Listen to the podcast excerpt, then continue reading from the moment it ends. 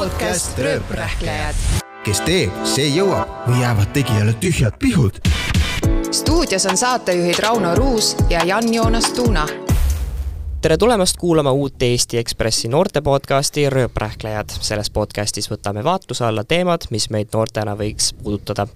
kutsume külla ka inimesi, kes meid inspireerivad või on meile eeskujuks olnud. ja ka teie, armsad kuulajad, saate podcastis kaasa rääkida, jälgides Rööprähklejate TikToki ja Eesti Ekspressi Instagrami ja Facebooki. lisaks toimuvad erinevad loosimised ja ühest äh, sarnasest räägime juba selle episoodi lõpus ka. minu nimi on Rauno Ruus ja minuga koos hakkab seda podcasti juhtima juhtima ka teine saatejuht Jan-Joonas Tuuna. tere, tere, tere ka minu poolt ja Rauno rääkis põhiliselt meie idee ja kontseptsiooni lahti ja me tõesti soovime siis anda selle podcast'iga noortele indu eh, oma karjääris edasi liikuma ja õppima eeskujudelt. seega on ka meie saatekülalised siis tuntud ja targad eh, inimesed, kes on ka osavad äh, sõnasepad ja, ja me proovime sulle siis, armas äh, kuulaja, õpetada edukat rööprähklemist selle kõige otsesemas tähenduses, sest sest olgem ausad, tänapäeval on rööprähklemine üks noorte inimeste selliseid tavalisi tegevusi, millega peab hakkama Para, saama. paraku jah jaa. ja täna ongi meie esimene külaline tuntud muusik, äh, saatejuht, nüüd siis juba varsti tulevane isa ja palju auhindu pälvinud artist Karl-Erik Taukar kui suureks, Karl-Erik, sa iseennast pead rööprähklemise valdkonnas? no kõigepealt äh, tervist, rõõm on olla siin ja ma saan aru, et ka esimese külalisena, nii et au on minu. aitäh kutsumast. Äh, kui suureks rööprähklejaks ma ennast pean ähm, noh, kui selline, ütleme, kerge ATH sündroom äh, on, on ka nagu rööprähklemisega võrreldav, siis ma olen väga vinge rööprähkleja, aga pigem on mul, minu probleemiks see, et mu tähelepanu hajub või siis fookus äh, liigub nagu halva autofookusega kaameral hästi ruttu erinevate objektide pealt äh, ja vahelduvalt nende vahel. et ma arvan, et ma tegelikult ja, ja on ka ju teatud teo-, teadusteooria, et rööprähklemine on justkui võimatu, on ainult tähelepanu hüplemine võimalik, siis ma arvan, et selles tähelepanu hüplemises ma võin olla päris tugev. aga kas sa proovid hoida sellist, no kas sa proovid ennast õigel reel hoida või see läheb ikkagi nagu käest ära? no ma proovin, ma proovin, aga, aga no kasvõi juba, juba selline hästi eluline näide on see, et, et üldiselt kui mul on mingisugune Youtube'i tab näiteks lahti, ma eile vaatasin äh,, ma aeg-ajalt vaatan, eriti praeguses olukorras, selliseid noh, sõjateemalisi äh, Youtube'i podcast'e või Youtube'i sisuloojaid. ja kui mul on seal see tab lahti ja mul on mingisugune ülesanne endale püstitatud, siis ma ikkagi aeg-ajalt vaatan jälle mingi paar minutit seda videot ka edasi. et selles mõttes lo-, see on, see on mul üks tugevamaid nõrkusi tegelikult. ma loodan, et teil on mingeid häid tarkusi teil. no me oleme Raunoga tudengid, nii et äh, me, see yeah. võime umbes tuttav olukord, jah? jah, umbes iga, igapäevane olukord, äh, pead tegema koolitööd, aga mm, -hmm. aga ikka kuidagi läheb niimoodi, et yeah. pärast läheb kiireks. nii ta on. samas on ka nii, et äh, praegu see aeg, mis meil siin käib, on suur, suuresti musikaalne, et Eesti Laul siin ja Eurovisioon on tulekul ja ja kuidas sina selle Eesti Laulu Eurovisiooniga suhestud, et nii palju, kui me sinu kohta uurisime, siis mm -hmm. Eesti Laulu kohta sa ütlesid, et see mm, -hmm. see on täitsa tore üritus. aga et Eurovisioon päris sinu see tassike teed ei ole? noh, jah, põhimõtteliselt suures plaanis nii ta on, et Eesti Laul kuidagi eriti, kui ta muutus ju Heidi Purga produtseerimisel eurolaulust Eesti Lauluks, siis ta läks niisuguseks mõnusaks, niisuguseks natuke alternatiivseks, sinna said püünele ka sellised bändid, kes, keda võib-olla Sky pluss ei mängi ja, ja niisuguseks värskeks muutus kõik see. ja mulle, mulle siiamaani tundub, et see formaat on nagu kandnud ja, ja, ja oma paremate ja halvemate aastatega üld, üldiselt ikkagi on väga-väga selline vajalik ja tugev mm,. aga jah, selles mõttes, kui nüüd lõppvõistlusele mõelda või kui ma peaksin näiteks valima mingi loo, millega minna nüüd püüdma Eurovisiooni võitu, siis ma enam ei tea, eh, mis, mis gimmikut või mis nagu pulli või mingisugust eh, sellist muud väärtust ma peaks kuidagi andma või endaga kaasas kandma peale muusika. et mulle tundub, et, et vaikselt see muusika justkui noh, on ka erandeid muidugi, Maneskin on ju täiesti vinge rokklugu, millega nad võitsid ja, ja aga, aga jah, suures plaanis see on olnud küll nii, et, et see Eurovisiooni vaatamine on minu jaoks olnud selline noh, kuidas ma ütlen, raske teinekord, mhm. aga viimased aastad ja Maneskin eriti annab jälle lootust sa ütlesid siin, me uurisime sinu kohta, sa ütlesid siin kaks tuhat viisteist Päevalehele mm -hmm. sellise lause, tsiteerin. see Balkani popp, mida teised seal viljelevad või see, mille alusel punkte antakse, on kõik väga küsitav. kas sa Mä- mäletad sa seda mäled- ütlust? oled, oled sa arvan siiani nõus selle noh, Balkani popp muidugi on natuke võib-olla liiga selline ambitsioonikas väljend, et noh, et eh, tegelikult produtseerivad seda muusikat tõenäoliselt kuskilt pidi ikka rootslased lõpuks.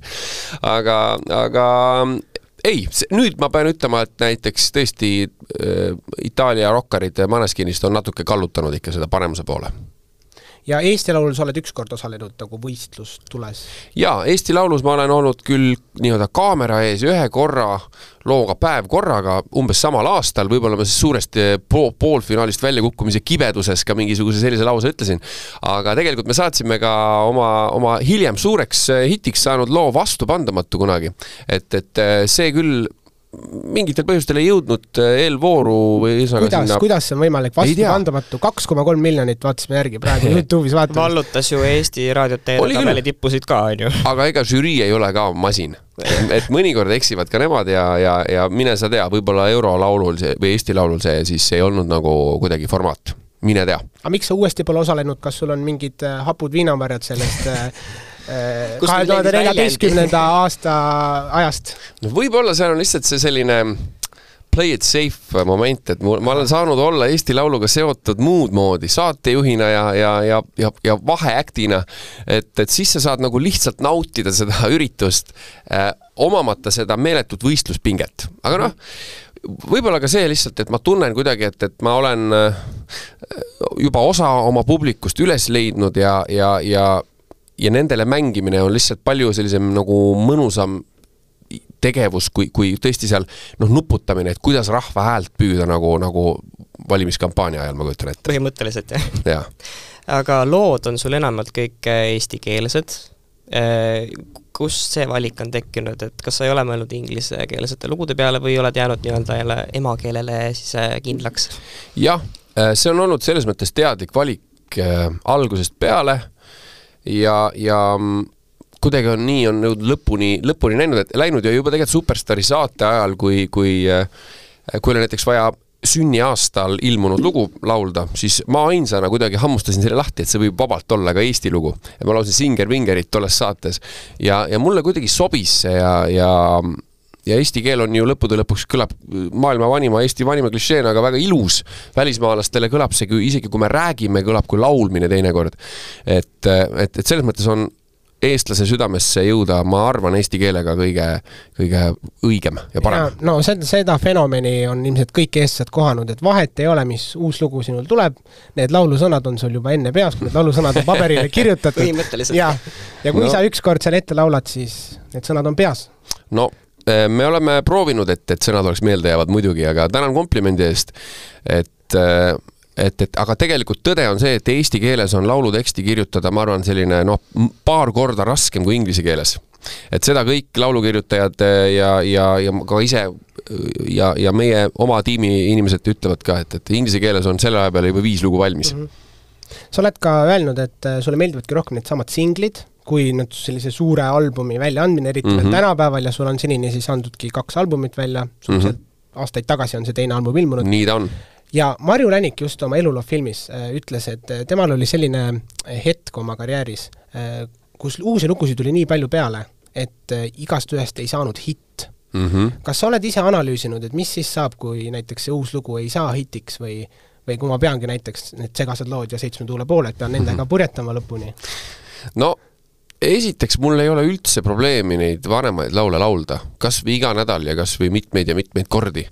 sest et publik, kellele sa laulad, on iga kord erinev ja, ja, ja ega live-muusika kõlabki iga kord nagu natuke teistmoodi kui eelmine kord. et selles mõttes mul tõesti ei ole ühegi lauluga seda kippist, et ma ei kuidagi huul ei painduks seda nagu laulma. aga kas sa proovid iga uue looga kuidagi ületada ennast kuidagi, kas see, kas see piir jõuab üks hetk kätte või sa või, või kas, kas sa muudad seda? midagi alati? no esiteks, ega ma seda üksi ju ei tee, meil ja. on, meil on nii-öelda ikkagi stuudiotuba, kas rahvast täis, aga me oleme seal tavaliselt noh, kahekesi, kolmekesi ja, ja mõnikord isegi neljakesi. et, et selles mõttes jah, see enesekordamise moment tuleb hästi tugevalt äh, kuidagi järjest rohkem aastate jooksul ja, ja, ja selliste noh, ka, ka nagu tekstikujundite väljamõtlemine samamoodi, et, et, et alguses oli meil, meil selles mõttes mul kõik tuli kuidagi palju-palju lihtsamalt, sellepärast et, et mehed, kellega me teeme ja, ja naised teinekord ka, on samad seda muusikat ja, ja tõesti, see enesekriitika, me üritame seda hoida kuidagi sama kõrgel kogu aeg ja kogu aeg natuke isegi upitada ülespoole, et me ei kordaks ennast ja et me ei laseks ka latti alla. ja sellepärast, sellepärast me teemegi mõnikord tõesti pool aastat ühte lugu mm -hmm. vahelduva tempoga kuskilt on kõrvu jäänud, et äh, vahepeal on nii kiire selline töötempo olnud, et oled ühest esinemiskohast teise lennukiga, mitte lennukiga, helikopteriga. kui tihti sul seda ette tuleb? ma ei tea, mis, mis show business'i kuldaeg see oli kunagi, äh, mingi kaks tuhat kuusteist äkki. aga noh, tegelikult äh, olgu öeldud, et ma ei ole pidanud ise kunagi neid helikopteri äh, arveid tasuma oh.. et tavaliselt on nii, et kas A on keegi, kes väga ootab meie bändi ja väga tahab äh, meid kuulata mõnes teises Eesti otsas ja on nõud, nõus ise olnud selle kulu katma.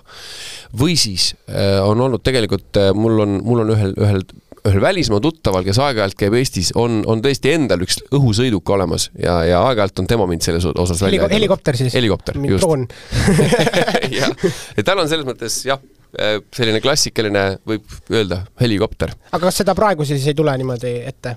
no praegu kuidagi ei ole tulnud, sest et me esiteks me natuke ka oleme ise võib-olla sellist tempot, ma ei taha öelda maha võtnud, aga me natukene proovime ühtlustada seda tempot, et juba varasemalt pikalt, juba aasta, võib-olla poolteist ette planeerida oma esinemisi ja, ja, ja mõnikord ka soovitada mõnel kontserdikorraldajal näiteks seal kuupäev nihutada üks päev ettepoole või tahapoole, et ei peaks just nimelt äh, sellist äh, ütleme tiivikut Sta. staari, staari elu elama, et nii kiired siin. jaa, aga see oli lõbus, see oli niisugune oma, omapärane aeg, mingi üks suvi tõesti, me käisime kolm-neli kontserti vist oli tõesti, kui, kui lendasime tõesti helikopteriga ja aga oli siis väga... teistsugune tunne, et vot näed, ma olen ikka selline Eesti artist. ei no selles mõttes ei maksa ära harjutada ennast sellise asjaga aga tekitas uhke tunde ikka, see on paratamatu, on ju. ta oli, ta oli lihtsalt hästi, noh, helikopteriga lendamine on ju iga kell lihtsalt väga vaimustav. jaa, no täpselt. et, et sa näed oma kodukohti ja kus sa oled oled äh, ise autoga maanteel sõitnud, näed neid hoopis teise nurga alt, et muidugi see on lihtsalt vaimustav kogemus, aga aga pigem isegi äh, mulle tundus, et äh, just ajakirjanikele meeldis no, aga... seda nagu nii-öelda heroiseerida, et aga vaadake. see, aga see, see kõlab ju täpselt niimoodi. jaa, et, et, et pigem oli mul ebamugav, kui, kui inimesed ja, arvavad, et et, et me nüüd oleme nii kallis bänd, et me nüüd lendame siin Tallinna ja Rakvere vahet helikopteriga. Eesti on nii suur ju riik ikkagi, et siin tuleb suisa lennata artistidel on ka see nii-öelda see rider või see, mis nad tahavad mm -hmm. sinna nii-öelda so soovinimekiri. soovinimekiri. Mm -hmm. mis sinu seal äh, nimekiri, nimekirjas äh, on? no see on suhteliselt äh, kuidas ma ütlen, ühest küljest on see pikk nimekiri, aga teisalt, kui ma vaatan oma kolleege, siis mõnel on see veel palju pikem. et, et seal ei ole midagi kallist, seal on, seal on natukene sellist vett, näiteks klahvpillimängija Tomi Rahulal on oma soov üks tahvel piimašokolaadi ja üks tahvel tumedat šokolaadi. mis firma omad need on? Äh, minu meelest ta ei ole täpsustanud ah.. igal juhul mõnikord on see Kalev, mõnikord on see midagi muud. nii, kuidas tuju on. nii, jah, ma arvan, nii, kuidas korraldaja raatsib ja tahab ja eelistab, et, et äh, seda ta ei ole jah, spetsif-, spetsifitseerinud. aga äh, seal on natuke alkoholi ei midagi kallist jällegi ja midagi sellist ülepakutut, aga, aga teinekord, kui on tõesti, äh, mõnikord on seda sihtotstarbeliselt hea kasutada, kui esinemine toimub näiteks ööklubis ja sa oled seal juba mõned tunnid oodanud äh,, nii et, et selles mõttes selline kultuurne alkohol, me ei ole seda kunagi ära peljanud ja, ja seal on muidugi a la noh, näiteks käterätikud, kui on, kui on kolmekümne viie või kolmekümne üheksakraadine ööklubi, kus, kus muidu lihtsalt äh, ei saa mm -hmm. laulda, et, et peab olema teatud äh, selline aga, asi. aga kas sa tead äh, mõnel teisel artistil mõni hästi mingi huvitav asi, spetsiifiline asi, et kas see vastab tõele, et Pearu Paulusel peavad olema valged Tommy Hilfigeri sokid lava taga et mul on kuidagi kuskilt on okay, nagu kõrva wow. jäänud selline asi, et no, valged Tom Hilfigeri sokid. ma ei tea, ma olen, ma ei ole Pearuga ammu nüüd äh, mitmeid aastaid koos nüüd backstage'is olnud. ma ei oska öelda, siis ei olnud tal neid sokke veel aga äh, no las ma mõtlen, kellel on mingid naljakad asjad äh,. Viiel Miinusel pidid lotopiletid olema mingisugune oh. ühik, kas ongi viis lotopiletit näiteks, et oma õnne proovile panna see on niisugune asi nagu jah, mis võib-olla meelde jääb.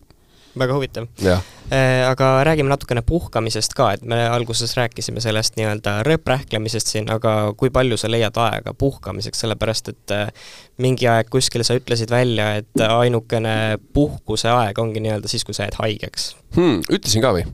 no see oli no see on muidugi aastaid tagasi. pidi olema tõesti yeah.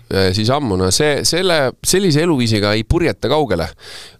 ja, ja mul on isegi praegu seda võõras võib-olla kuulda, et ma nii ütlesin, tegelikult on ikkagi, ma arvan, mul selline võib-olla kuu või poolteist aastast, kus me võtame kogu kollektiiviga aja maha aga mitte suvel, on ju? aga mitte suvel. millal see siis, talvel ka, talvel ka ilmselt mitte ju? meil on see olnud eh, kas põhimõtteliselt kas sügisel või kevadel mm. -hmm. et, et äh, jah, selle aasta puhkus, las ma mõtlen, meil on tegelikult ongi märtsis nüüd on puhkus. kas Baalil jälle? kõik, sõidavad Baalile praegu?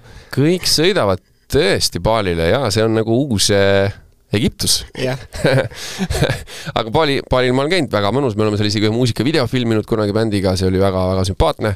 aga ei, seekord ma arvan, tuleb mingisugune lähem sihtkoht, arvestades mu kaasa lapseootust, et me nii suur pikka reisi ette ei võta. me kuulame vahepeal siin ühte, sinu ühte esimestest intervjuudest peale Superstaari saadet. no juba on ebamugav. E-, et, et kuula ja siis pärast räägime, mis sa arvad sellest. okei okay superstaari saatest no on äh, mõni aeg juba möödas, kuidas sul läinud on?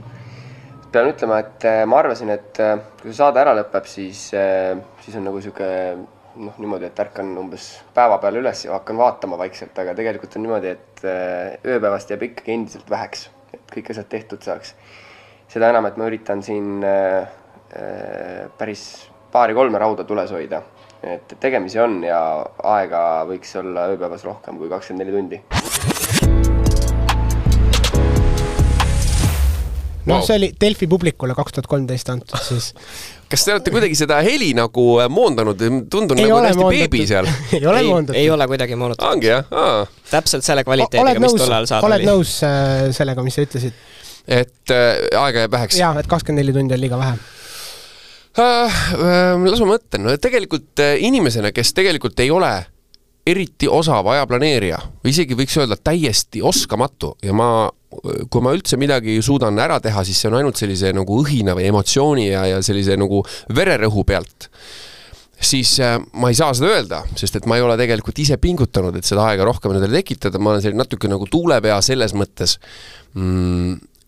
nii et ei, tegelikult ei ole nii ühesõnaga, kui sul on kõik väga hästi nii-öelda läbi planeeritud ja räägid puhkusest ka, et on äh, pikalt poolteist kuud niimoodi aastas mm, -hmm. siis mhm. ma oletan, et, äh, et sellist suuremat läbipõlemist sinu elus ka ei ole olnud või on?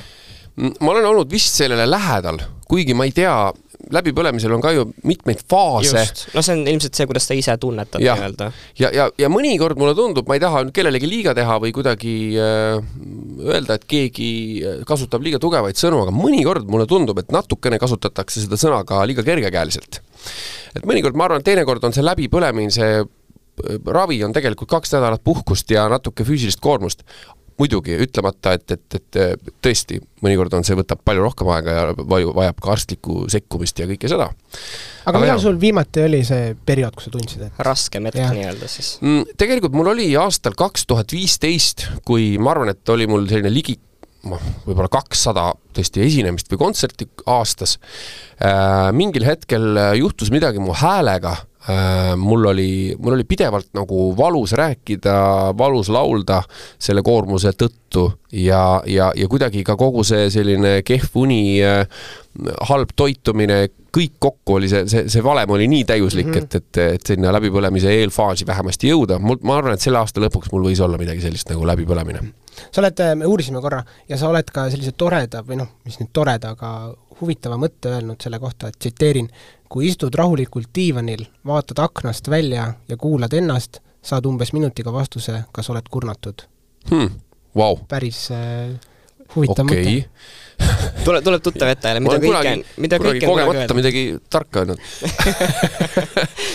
et eh, jah, ma arvan, et see peab paika, tegelikult peab, me, me kõigil on ju, me saame, meil keha annab ju signaale, me oleme lihtsalt ennast õpetanud neid signaale mitte kuulama maskeerima näiteks oma väsimust kohviga, nagu mina praegu teen siinsamas mm,. aga tegelikult äh, jah, mul näiteks üks päev oli konkreetselt äh, mu, mu äh, pruut elukaaslane tegi just äh, äh, joogat elutoas ja ma liitusin temaga, kuna see oli, kuna see oli läbi, läbi Zoomi nagu rasedate jooga, siis ma nagu kõiki harjutusi ei hakanud tegema kaasa.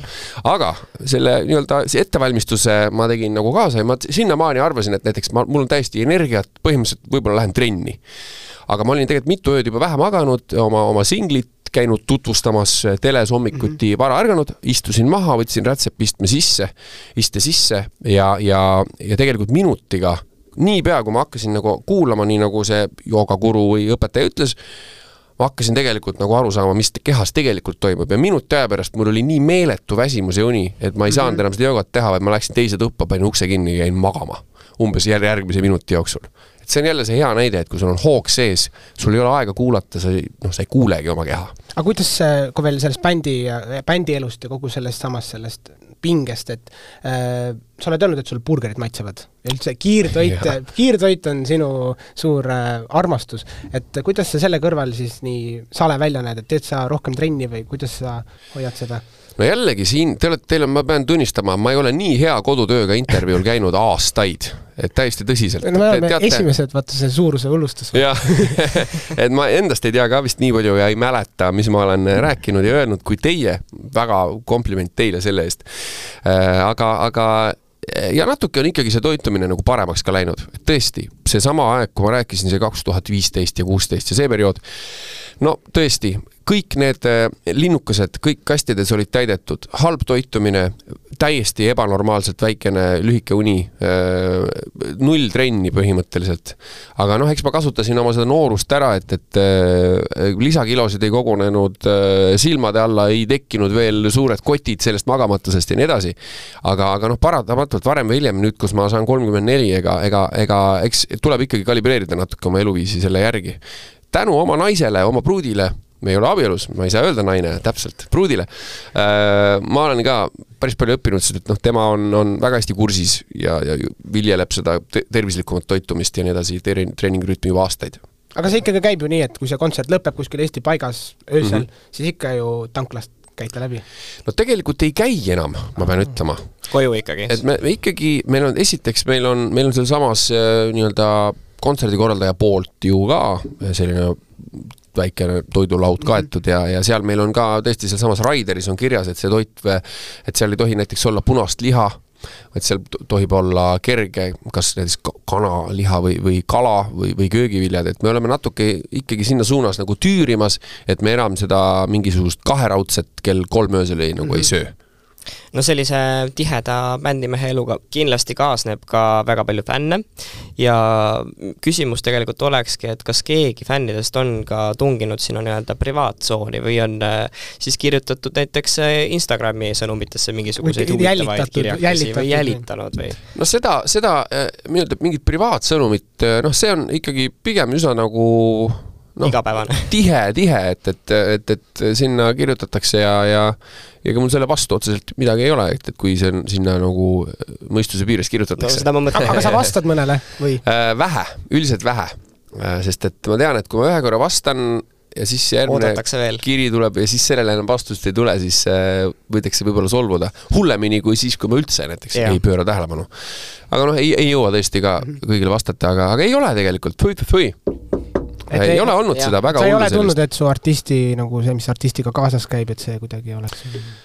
ainult võib-olla, tegelikult ma pean jällegi ütlema, mitte nii professionaalsete eh, ajakirjanike poolt nagu teie on seda olnud, et eh, mõnikord on käidud tõesti kodu pildistamas iga nurga pealt ja, ja, ja siis neid pilte tiražeeritud, et see on, see on palju nõmedam ja sellisem ebamugavam kui mõni, mõni selline aktiivne fänn aga tehnika huvist tahaks ka veel rääkida sinuga tegelikult, et äh, oled äh, CTF Tech kaasasutaja, on õige? ja küsimus ongi, et kust tegelikult selline üldine tehnika huvi alguse sai, see pidi tulema juba lapsepõlvest ilmselt, ma oletan tead jaa, no siin tuleb natukene küll eristada tehnoloogiat ja tehnikat. tehnik, jaa. et selles mõttes, et see CTF Tech on ikkagi nagu tehnoloogia startup meil mm. selline alles hoogu koguv, aga juba, juba päris tihedalt toimetav.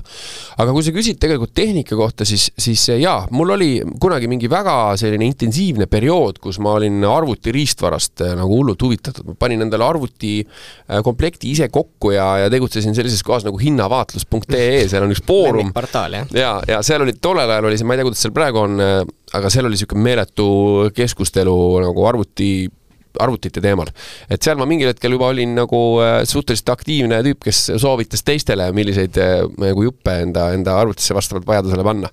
aga see ei ole otseselt seotud, ütleme, riistvara ei ole otseselt nii väga seotud CTF Techi, meie tehnoloogia sellise väikse idutegevusega. meie eesmärk on pigem selline hariduslik kaldkriips meelelahutuslik äh, noorte kaasamine küberharidusse mm. -hmm et, et see on, see on meie eesmärk mänguliselt. selline mitteformaalne haridus nii-öelda siis, jah? jah, noored ise ütlevad ja me oleme neid palju küsinud, et, et tegelikult äh, selleks, et nagu sellise esmapilgul nagu keerulise teemaga nagu küberturvalisus, küberharidus tutvust teha, on seda mängulisust vaja. ja sestap meie formaat äh, mida me oleme nüüd siin Eestis ja nüüd viimasel, viimastel aastatel ka äh, siis nii-öelda Nordic Baltic siis äh, korraldanud, toimunud on see Tartus ja sellest on ka teleülekanne tehtud ähm,, ongi, ongi täpselt selline peaaegu nagu arvutimängulik stsenaarium, mis, mis haarab endasse ja, ja kus tegelikult sa õpid ikkagi, ikkagi noh, praktiliselt mängu käigus mm. -hmm. võib-olla paljud äh, kuulajad, üldse inimesed ei tea, et sa oled tegelikult äh, meie meiega natukene veel sarnasem, et meie Raunoga oleme ajakirjanduse tudengid, ka sina olid äh, kunagi ajakirjanduse tudeng, aga see läks nagu läks, et sul jäi see, see lõpetamata. Äh, kui me sirvisime siin sinu erinevaid neid väljaütlemisi üldse, meenutusi sellest ajast, siis jäi kuidagi selline tunne, et sa pigem väldid sellest rääkimist või tunned kuidagi hmm. ebamugavalt, kas see on kuidagi pinnapealne arvamus? no ma ütlen, te olete muidugi selles mõttes väga hästi kursis, võib-olla, võib-olla jällegi te toote midagi esile, millest me ei ole isegi aru saanud. aga noh, lõppude lõpuks, eks kes ikka tahab rääkida, et, et tal jäi mingi asi pooleli. Äh, ja, ja noh, see ei ole ju kahetsenud ei ole, et see pooleli jäi? ma pean tunnistama, et ma ei ole jõudnud seda veel kahetsema hakata. Äh, sest et need asjad, mis selle asemel minu ellu tulid, olid, olid minu jaoks südamelähedasemad, ma tundsin ennast nendes paremini ja, ja noh, eelkõige ma räägin just sellest nii-öelda esimesest asjast, mis oligi seesama Superstaari saade. Äh, nii et jah, minu jaoks, minu jaoks ma arvan, ja ka Priit Pullerits ise, meie lektor, on, on kasutanud minu näidet äh, nüüd aastaid hiljem veel äh, oma õppekavas, et, et selles mõttes mõnikord on nii, et et isegi kui sa väga midagi ette kujutasid ja oled selle nimel ka pingutanud teatud määral, siis mõnikord on suunamuutus kõige parem taktika. Et alati ei pea lõpuni punnima, teades, et, et asi ei ole õige lihtsalt sellepärast, et see diplom kätte saada. ja, ja, ja see on üks asi, mida ma, kui noored inimesed meid näiteks praegu kuulavad, siis äh, ma isegi julgen sellele alla kirjutada täna sest me ka vaatasime, et äh, Priit Pullerits on siin öelnud äh, aastaid tagasi ka, et sa ei olnud väga nagu särav inimene seal loengusaalis ja üldse hea, kui sa, hea, kui sa kohale jõudsid, ma sain aru. Äh, sellega oli see probleem, et tema loeng oli neljapäeva hommikul kell kaheksa viisteist ja kolmapäeval oli Illusioonis retrogruum. Seal oli teatav, teatav probleem. konflikt oli. Ja, ja et sa olid nagu introvertne, et see ei, nagu ei kõla üldse nagu sina? no ma olin in-, introvertne sellepärast täpselt, et ma ei olnud tegelikult endale sellisesse noh, mugavas keskkonnas ja ega noh, Pulleritsu loeng ei olegi mingisugune mugav keskkond. ma usun, te olete Tartus, õpite või? Tallinnas ah,, Tallinnas, aga jah? meil on sarnane kursus, ma oletan, millest mul, mul näiteks täna algas see. aa, ja lektoriks on hommikuti kaheksa viisteist. ja lektoriks on? Mul on Taavi Eilat, ka Raunol oli Taavi mul oli ka Taavi Eilat, jah. aa, selge, okei okay., Taavi Eilat, väga lahe, tema oli ühel hetkel minu kursa vend aga no mul oli palju kursavendi. aa, siis oli ka Krist-, Kristjan Pihl. jaa, ma arvan küll. me nendega absoluutselt ei suhelnud, äh, aga ma tean, ma nägupidi mäletan ja ma tean, et nad olid juba siis sellised fanaatikud, mida mina ei olnud. minu fanatism oli, oli täiesti mujal ja, ja eks ma ülikooli kõrvalt tegin ka Tartus bändi ja, ja nädalavahetusel tegin Tallinnas bändi ja, ja, ja tõesti äh, kus, mis see küsimus oligi ma võib-olla küsin uue küsimuse, et kui sa, kui sa, kas sa oled niipidi mõelnud, et kui sa oleksid ajakirjanik olnud või noh, ilmselt sa mingit asja ju pidid ikka kirjutama nende aastate jooksul mis teemad sind nagu huvitasid äh, just selles mm,? ma ei olnud tollel hetkel veel üldse kaugeltki pädev, et, et näiteks mingit poliit-, analüüsi või, või üldse tegelikult mingit kõva uudist näiteks kirjutada. Äh, ma arvan, et, et äh, kui ma selle peale mõtlesin, siis ega noh, minu erialaks oli tegelikult ju suhtekorraldus ja ajakirjandus. et ma ikkagi kaalusin ka tõsiselt seda, et näiteks ikkagi liikuda hoopis sinna suhtekorralduse ja, ja nii-öelda avalike suhete valdkonda et, et selles mõttes need olid meil balansis seal esimestel aastatel, aga aga jaa, ma arvan, et see pigem, pigem ikkagi niisugune pehmem teema ja, ja, ja, ja ikkagi tuleb välja meelelahutus, nagu me tagantjärele võime ka öelda, et nii läks aga ma küsiks niimoodi ka, et kas ajakirjanduse õppimine on äh, kasuks tulnud, et kui ta ei ole nii-öelda ei kahetse, kas ta on kasuks tulnud? ma arvan küll, ega ta kindlasti kahjuks ei tulnud. Ja, ja, ja noh, ikkagi äh, ka üldainete või üldhariduslikus mõttes, no Marju Lauristini ja sama juba mainitud äh, maestro Priit, Priit Pulleritsu loengud on ikkagi, ikkagi igas mõttes maailmapilti avardavad. Ja seda nii-öelda vaat-, sektorit laiendavad, et, et, et ja, ja muidugi ka Rein Taagepera näiteks suures auditooriumis, et, et need olid äh, õudselt kihvtid loengud. mõnes aines oli niimoodi, et ma noh, näiteks lõpuni välja tegin kõik tööd ära ähm,, aga näiteks äh, kuna nagu suvi tuli peale, siis oli vaja näiteks kirjutada eneseanalüüs üks A4, kuidas kursus meeldis umbes ja mm, -hmm. ja niimoodi. ja siis mul, mõnikord oli mul nagu sellest nagu, kuidas ma ütlen, hindest nagu nii suva, et ma ei kirjutanud näiteks seda eneseanalüüsi ja ma ei saanud ainet kirja. ja, ja tollel hetkel võib-olla ma juba tajusin, et, et et, et ilmselt ma ei lõpeta seda eriala aga huvitav oli sellegipoolest. sa olid kaks aastat seal või, kaks-kolmest? no ma olin, ütleme niimoodi, et ma astusin ülikooli kaks tuhat kaheksa sügisel ja, ja noh, seal kaks tuhat kümme, kaks tuhat üksteist ma olin üldse sõjaväes ja, tegelikult kaks tuhat kaksteist tuli juba Superstaari saade, et laias laastus oligi ta kaks tuhat kaheksa kuni kaks tuhat kümme, kui ma seal mm -hmm. olin. ma loen ühe huvitava lõigu ette, mida sa ütlesid kaks tuhat kaheksateist. Nonii loodame, et juba see oli nii hiline, hiline aastaarv, et äkki oli juba midagi okeid. Äh, nagu ütlemine tsiteerin siis. hetki, mil taskus tuul ul-, ulus, meenutan ma siiski positiivselt. kihvtid ajad olid. Tartus elades olid mul omad võtted. kahekilone pelmeenipakk maksis suhteliselt vähe ja sellega purjetasin põhimõtteliselt terve nädala läbi mm. -hmm. toitumisharjumused olid mul pehmelt öeldes äh, fantastilised ja Klaabi Lotioni kolmapäevasel peol jagati mugavalt järgmise nädala tasuta flaiereid. nii sai ka pidudel käimise pealt kokku hoitud kas sa kujutad ette, kuidas nüüd äh, tudengielu on selles kontekstis, et äh, kahekilone pelmeenipakk maksab ka nagu päris palju juba. ega ta maksis ka siis, ma mäletan väga hästi, Maximas ma elasin äh, Turu tänaval, elasin Tartus ja, ja seal üle tee oli Maxima, seal maksis see minu meelest seitsekümmend neli üheksakümmend krooni mm. -hmm.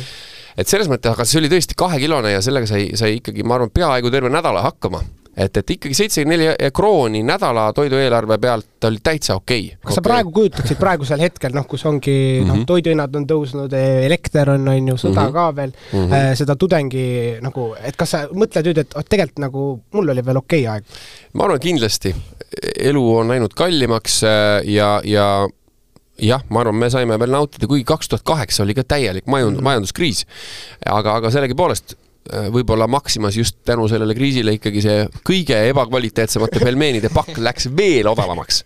et me nagu lõikasime isegi kasu, aga, aga jaa, ma, ma tõesti, äh, ma arvan, et see oli okei okay aeg, millal olla vaene Äh, ma ei tea, kuidas praegu on. praegu, praegu pigem ei taha olla aga teie teete siin juba päris asja selles mõttes, ma arvan, et äh, ikkagi on, on see ka ju tasustatud. jaa, selles suhtes, et äh, no. kindlasti mingi kommikarp antakse no vot, sellega saad jälle kaks päeva edasi no just, täpselt aga tegelikult meediast veel, et äh, no sa juba tegelikult ise tõid välja, et on selliseid mitteprofessionaalseid ajakirjanikke võib-olla või no, no. või siis just teatud kontekstis üliprofessionaalseid, selles mõttes. okei okay,, kui ja, sa niimoodi ja. mõtled, jah. aga kas sulle tundub, et äh, kuidagi ajas on nagu paremaks läinud see olukord selles mõttes, et tuleb nagu rohkem peale selliseid äh, nii-öelda siis professionaalsemaid ajakirjanikke? vot see on mulle raske küsimus. ei oska nagu sellest minu andmed on, äh, on kitsad ah,. Okay. aga puhtalt enda kogemuse pealt e? enda kogemuse pealt. kas kaks tuhat viisteist Mm -hmm. nii-öelda tungiti sinu eraellu rohkem kui äh, muidu üldiselt? ma pean tunnistama, et mul on ikkagi suures plaanis läinud äh, selles valdkonnas hästi.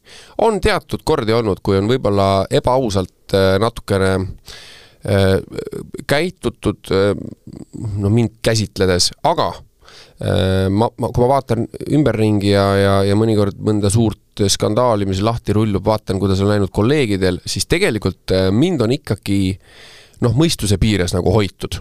et tegelikult noh, mõnikord, kui sa näed, kuidas kedagi teist äh, nagu äh, siin ütleme siis noh, kuidas ma ütlen, loobitakse või, või, või tõmmatakse kuhugi. võetakse fookusesse. võetakse yeah. fookusesse. lambi alla. jaa, et, et siis ma tõesti nendin, et, et, et noh, ega ma, mul ei ole ka, ma ei ole, ma ei tegele ka eriti mingisuguste selliste asjadega, millega saaks mind hullult nüüd liistule tõmmata ja, ja oma, oma väljaütlemistes olen ma ka pigem selles mõttes noh, mõnikord üsna otsene, et, et noh, justkui mõnes mõttes võib-olla ma, ma arvan, et paljud on ka harjunud, et kui ma midagi ütlen, siis ma ei ütle seda võib-olla pahaga, vaid ma lihtsalt olengi selline mm,, et, et, et tegelikult mul ei ole, mul ei ole suures plaanis ikkagi etteheiteid nendele ajakirjanikele, kes mind on käsitlenud. aga ühes, ühes teises podcastis sa ütlesid, et äh, sul on mõndadel juhtudel olnud isegi mingisugune kirjalik leping äh, mm, väljaandega, et sul on kindel aeg äh, ülevaatuseks. kas äh, sa suudad äh, nagu panna ennast ajakirjaniku rolli ka, kes äh, mm -hmm. noh, me oleme ka kirjutanud lugusid, et mida, mida rohkem äh, venib see lugu, seda mm -hmm. rohkem see hakkab nagu ammenduma juba lõpuks või et noh, et jah, kuigi need, need, näiteks selles kontekstis, äh, milles ma rääkisin sellest nii-öelda noh, see ei olnud nagu päris leping, aga see oli lihtsalt e, email mm. -hmm. see oli selline per, persooni lugu ja, ja noh, see nüüd ütleme kahe päevaga ära ja, ei aegu. -hmm. et, et see on ikkagi relevantne ka poole aasta pärast põhimõtteliselt ähm,. aga jaa, seda on olnud tegelikult ühe korra, kui ma olen sellise kokkuleppe teinud ja, ja see pidas ja kõik oli viisakas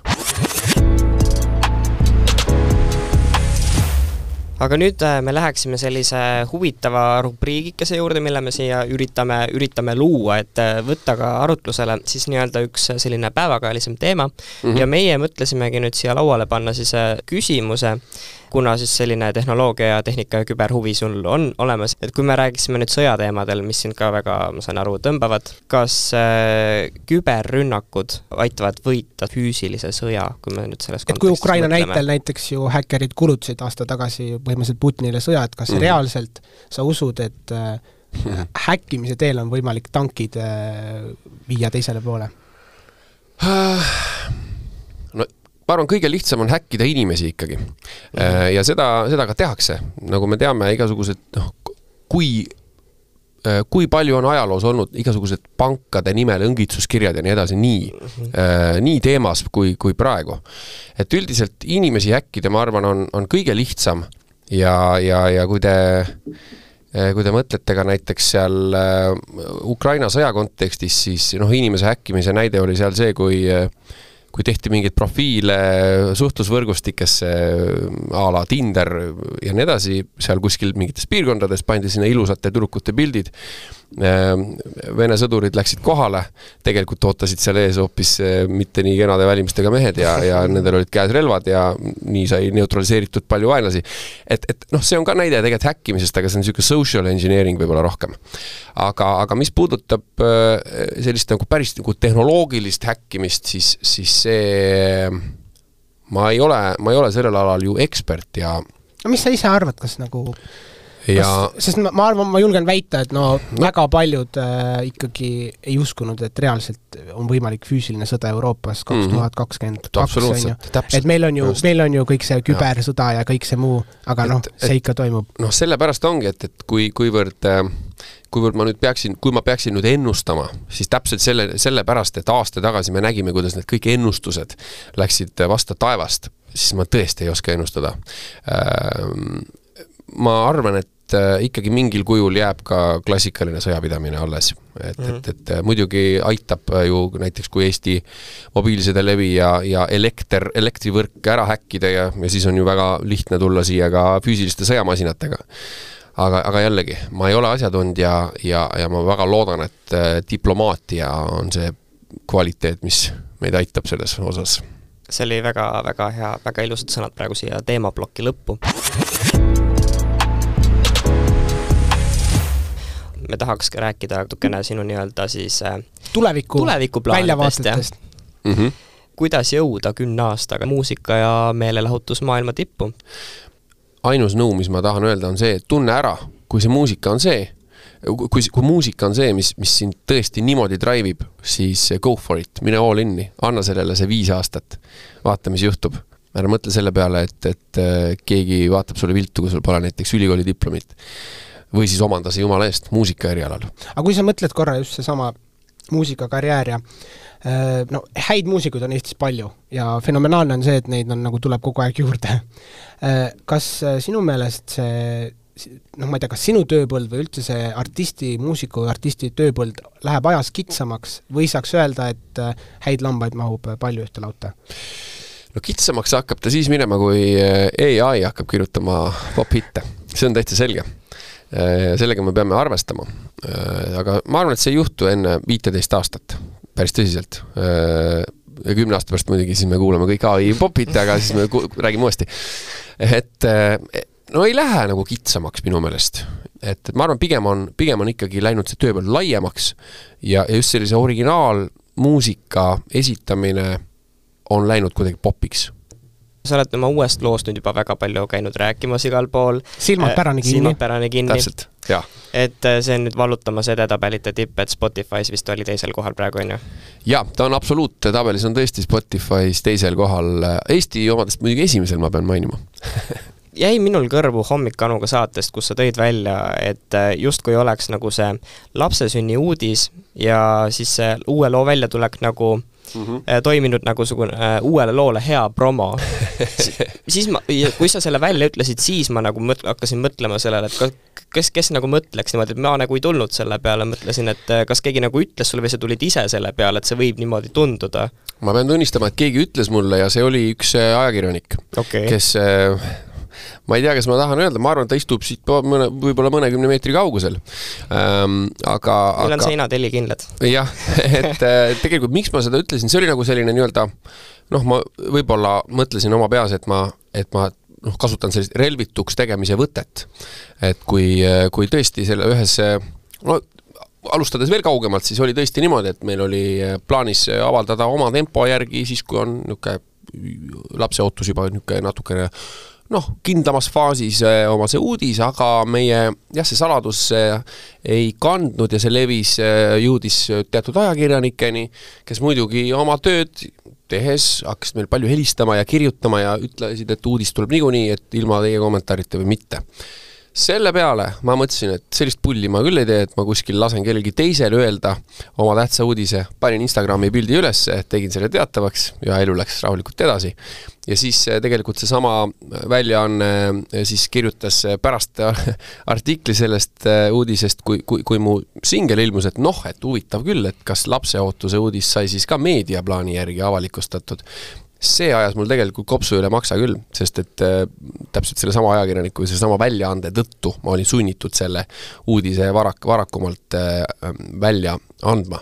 nii et see käis mulle pinda äh,, ma ei jätnud seda ütlemata ka, ma tegin oma Instagrami ühe story, mis ma pean ütlema, sai päris laia vastukaja osaliseks, ka teised sellega resoneerusid, kellel on sarnane kogemus selle väljaandega olnud aga jällegi, ma ei ole selle, nende, nende ajakirjanikega tülis kui nad mulle kunagi helistavad mingil muul põhjusel, me räägime ikka, et, et selles mõttes ma ei hakka kindlasti endast nüüd mingisugust äh, kibedat vanameest tegema, kes nüüd äh, blokib inimeste telefoninumbreid ära. ja, ja tegelikult ega, oleme ausad, ega, ega ma tean küll, kes mind selle minu kaasa lapse ootuse osas nii-öelda noh, tülitasid, võib öelda, aga ega ma lõpuks ei tea ju, kes sellele järgmisele uudisele, kus nad spekuleerisid, kas mul on nüüd meediaplaan oma lapse sünniga seoses ja singli avaldamisega, ma ei tea ju, kes sellele publish vajutas.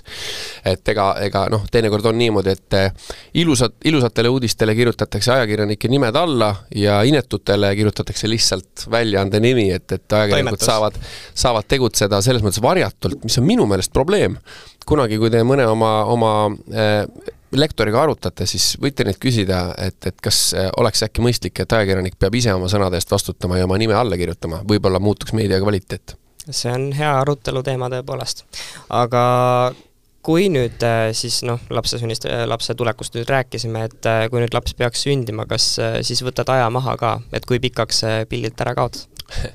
no kui natuke arutada ja vaadata inimanatoomiat, siis ta ikkagi ilmub, äh, ilmub meie sekka põhimõtteliselt sellise tiheda tööperioodi keskel. no Su- suvel tahtsid öelda, suvel nagu tahtsid öelda. midagi sellist ja, ja. kas siis tuleb rahulikum suvi? no ei tule, Ei tule. ei tule. selles mõttes ega eh, noh, isegi kui me esineme suve jooksul seal võib-olla neli-viiskümmend korda, siis, siis tavaliselt need ikkagi on äh, nädala teises pooles ja nädala esimesed pooled on mul kenasti kodus viibimiseks, et, et tõsi, mingisuguseid äh, muid meelelahutuslikke reise või, või mingeid uusi hobisid ma väga ei planeeri selleks suveks küll. et, et pigem, pigem on kaks asja, pere ja töö ja, ja muidugi noh, kõik sõbrad on ka alati külla oodatud vaatama väikest ilmakodanikku, kui ta tuleb lõpuks. aga, aga ei, muid asju väga ei mahu tõesti. selge, aga saade hakkab vaikselt äh, lõpuni jõudma, aga me veel Instagrami story'st äh, nägin, et äh, muusikavideo on veel tulemas alles uue loo muusikavideo on siis, Jaa., jaa, ja on tulemas siis kuskil sünnipäeva paiku, ma sain aru. märtsi et Ma lubasin- on ka tulemas. kuna, kuna minu Instagrami jälgijad küsisid mult, et no, millal Youtube'i tuleb, siis ma ütlesin jah, et tuleb. ja pannes endale väikse varu ka, siis ma ütlesin sünnipäevaks, tõesti esimesel märtsil on endal sünnipäev ja ja siis ma hakkasin mõtlema, võib-olla olekski tore hoopis oma sünnipäeval anda see välja. miks mitte, vaatame, kuidas läheb. aga enne kui me lõpetame, siis äh, kallid kuulajad, tähelepanu ka nüüd siis eriti teile, peale tänast episoodi äh, siis me loosime välja ühe kotitäie väga huvitavat kraami, mille, mille abil siis saab ennast tõesti tunda nagu Eesti Ekspressi ajakirjanik ja see ei ole veel, see ei ole veel ainus asi, mida me, mis, mis sellega kaasas käib, sellega käib ka kaasas see, et äh, see on siis ühes riidekoti sees ja riidekoti peal on eksklusiivne Karl-Erik Taukari autogramm. kui sa oled nõus selle panema sinna. Pole probleemi. selles mõttes nüüd me oleme eetris, ega ma ei saa keelduda. enam ei saa keelduda. ja sinna tuleb ka see autogramm, ehk kui sa tahad endale saada palju põnevat eh, kraami Eesti Ekspressilt ja lisaks sellele Karl-Erik Taukari autogrammi sinna koti peale, siis hoia meie silm peal meie sotsiaalmeedial, Eesti Ekspressi sotsiaalmeedial. sellega meie esimene podcast'i episood on ka läbi, suured tänud sulle, Karl-Erik Tauk. ma väga tänan teid kutsumast ja ma ütlen, te olite tõesti nagu, see oli väga põnev intervjuu ka minu jaoks, nii et kui kunagi on mind kusagil veel vaja, siis ainult helistage. aitäh aitäh! Podcast Rööprähklejad. Rööprähklejad